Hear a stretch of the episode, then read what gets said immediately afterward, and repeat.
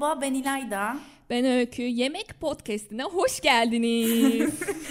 Sürekli aç olan iki arkadaş olarak biraz sonra konuşulacaklardan bir sorumlu değiliz. Ama önce güzel bir haberimiz var. Sen söylemek ister misin Öykü? evet bugün öncelikle çok heyecanlıyım çünkü yemek podcastini yapacağız.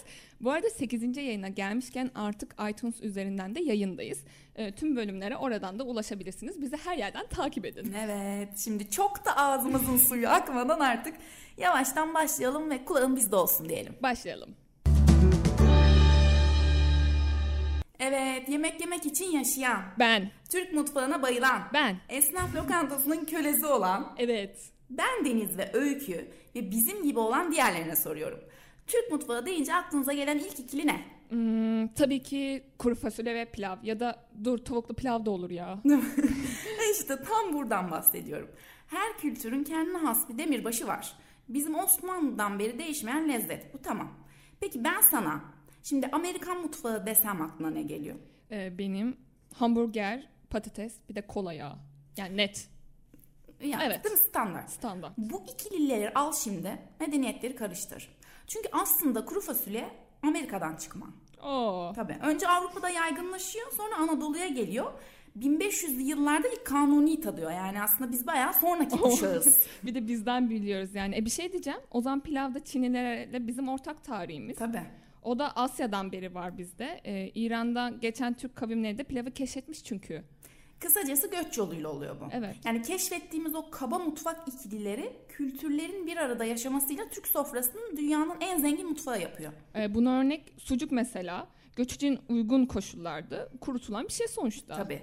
e, Seferi halindeyken süreç içinde kuruyor. Evet. Öyle yiyorsun, öyle tüketiyorsun. Doğru. Konserveler de buradan çıkma. İşte en uzun koşullarda muhafaza ettikleri için göç sırasında çok tüketildi. Hani derler ya bir kuş sütü eksik şu sofrada gerçekten öyle bir çeşitliliğimiz var. Doğru söylüyorsun ama ben bu çeşitlilikten bayağı bir mutluyum. Ee, bu sofra kültürü ve geleneği zaten bir tek bizde bu kadar yoğun yaşanıyor herhalde. E tabii sen hangi memlekette gördün 40 çeşit kahvaltı? Değil mi? ya dedik ya gelenek diye. Aslında tamamen bundan kaynaklı.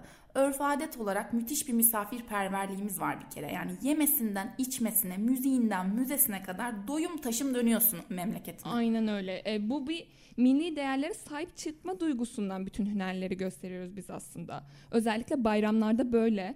E, o yüzden kültürel bir savaşa dönüşüyor. Benim lezzetim, benim mutfağım. Bir gösteri başlıyor Evet. yani. Ya Türk mutfağını karakterize eden en güçlü şey dini bayramlar.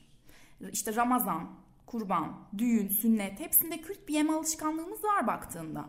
Yani toplumun sahip olduğu gelenek bunu biraz yönlendiriyor. Yeme alışkanlığından öte yemek adetlerimiz var bizim. Tabii ki. Düşünsene ya ev ev dolaşıp baklava Evet. yiyorduk ya. Yani az şeker komasına girmedik. Sonra yetmiyor protein yüklemesi yapıyorsun kurban bayramı geliyor. İşte kuzenin doğuruyor loğusa şerbeti içiyorsun. Sonra o büyüyor sünnette pilav yiyorsun. Cenazede helva yiyorsun. Yani hep bir tüketim var aslında. Hep yiyorsun. Sonra biz niye bu kadar kilo aldık yani? yani biz bir ortak paydada buluşmak için aslında sofraya oturuyoruz. Yani Kesinlikle. acıyı paylaşıyoruz ya da sevinci. Ee, gelenekler üzerine kurulu bir düzen var resmen. Yani o mutlaka sizin ailede de oluyordur. Bizde de hani sofraya hep bir beraber oturalım. Evet, evet. Beraber yiyelim, beraber Aynen. Bir başlayalım aileyi diye. birleştirme kuvveti Kesinlikle. olarak aslında. Bu ya hep söylediğim şey. Bu yemek yemek hakikaten bir sanat ya. Kesinlikle Ya sanat. bir taraftan bozkır kültürü esiyor sofrada. Diğer taraftan Akdeniz coğrafyası. Ya büyük bir mozaiğimiz var aslında. Hani hem etçi hem otçu kavramı buradan. Ya bir de göçmen bir toplum olduğumuz için bu beslenme daha da belirginleşiyor. Sen mesela göçmensin. Ee, sofra farklılığınız var mı sizin? Ya benim anne tarafı Girit, baba Bulgar göçmeni. Ama her iki tarafta Ege'ye geldiği için aslında biraz daha fazla otçul beslenme var evet. Ama ne oluyor işte sonra Şevketi Bostan'ı, Arap saçını etli falan yapıyorsun. hani o gene karışıyoruz Ya yani. bu çok güzel bir şey gerçekten. Ee, Türkiye'nin yemek kültürü üzerine bir araştırma yapmışlar. %70 etçi coğrafya çıkmışız mesela. Süt ve et en önemli kaynağımızmış bu yüzden.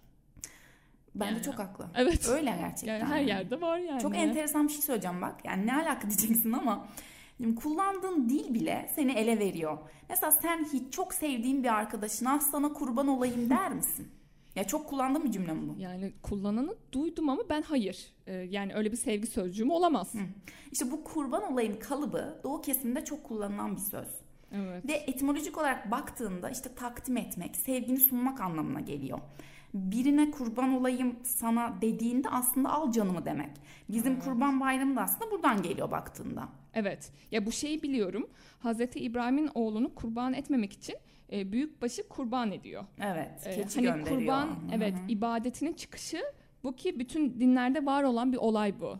Ayrıca adak adamanın da çıkışı bu. O da ciğer etinden mesela. Bu Göktürklerden gelme bir gelenek. Biri öldüğünde işte 3'ü 7'si 40 okutuluyor Hı hı. ya. O süreçte ciğer ikram edilirmiş taziyeye gelenlere. Hani bir insan ciğerimi söktün diyorsa haklı yani. Bak vebali boynunuza ben söyleyeyim. Yani bir de şey de var. Her şey et koymamızın sebebi bu demek ki. E, misafir geliyor et yapalım. Yani o dana yenecek ilahi? Kesinlikle. Şimdi hemen bir tur bulup e, Antep'e, Adana'ya sadece yemek yeme eylemi gerçekleştirmeye gidiyoruz arkadaşlar. Oradan da Karadeniz Kesinlikle. Yani yoksa bu açlığımızı dindiremeyeceğiz. Ya yemek hakikaten mühim mesele. Bizim de çenemize düştü fark ettiyseniz. Çünkü çok sevdiğimiz ve habire e, yediğimiz şeylerden bahsediyoruz sizlere. Ya sonuç olarak baktığımızda dünyanın en önemli coğrafyasında göçebe kültürle yaşamamız ve etkileşim halinde olmamız ister istemez kalbe giden yolu mideden geçiriyor. Çok güzel söyledin. Ve biz acıktık. En iyisi gidelim. Sizin kulağınız bizde olmaya devam etsin. Haftaya görüşmek üzere. Hoşçakalın. Hoşçakalın.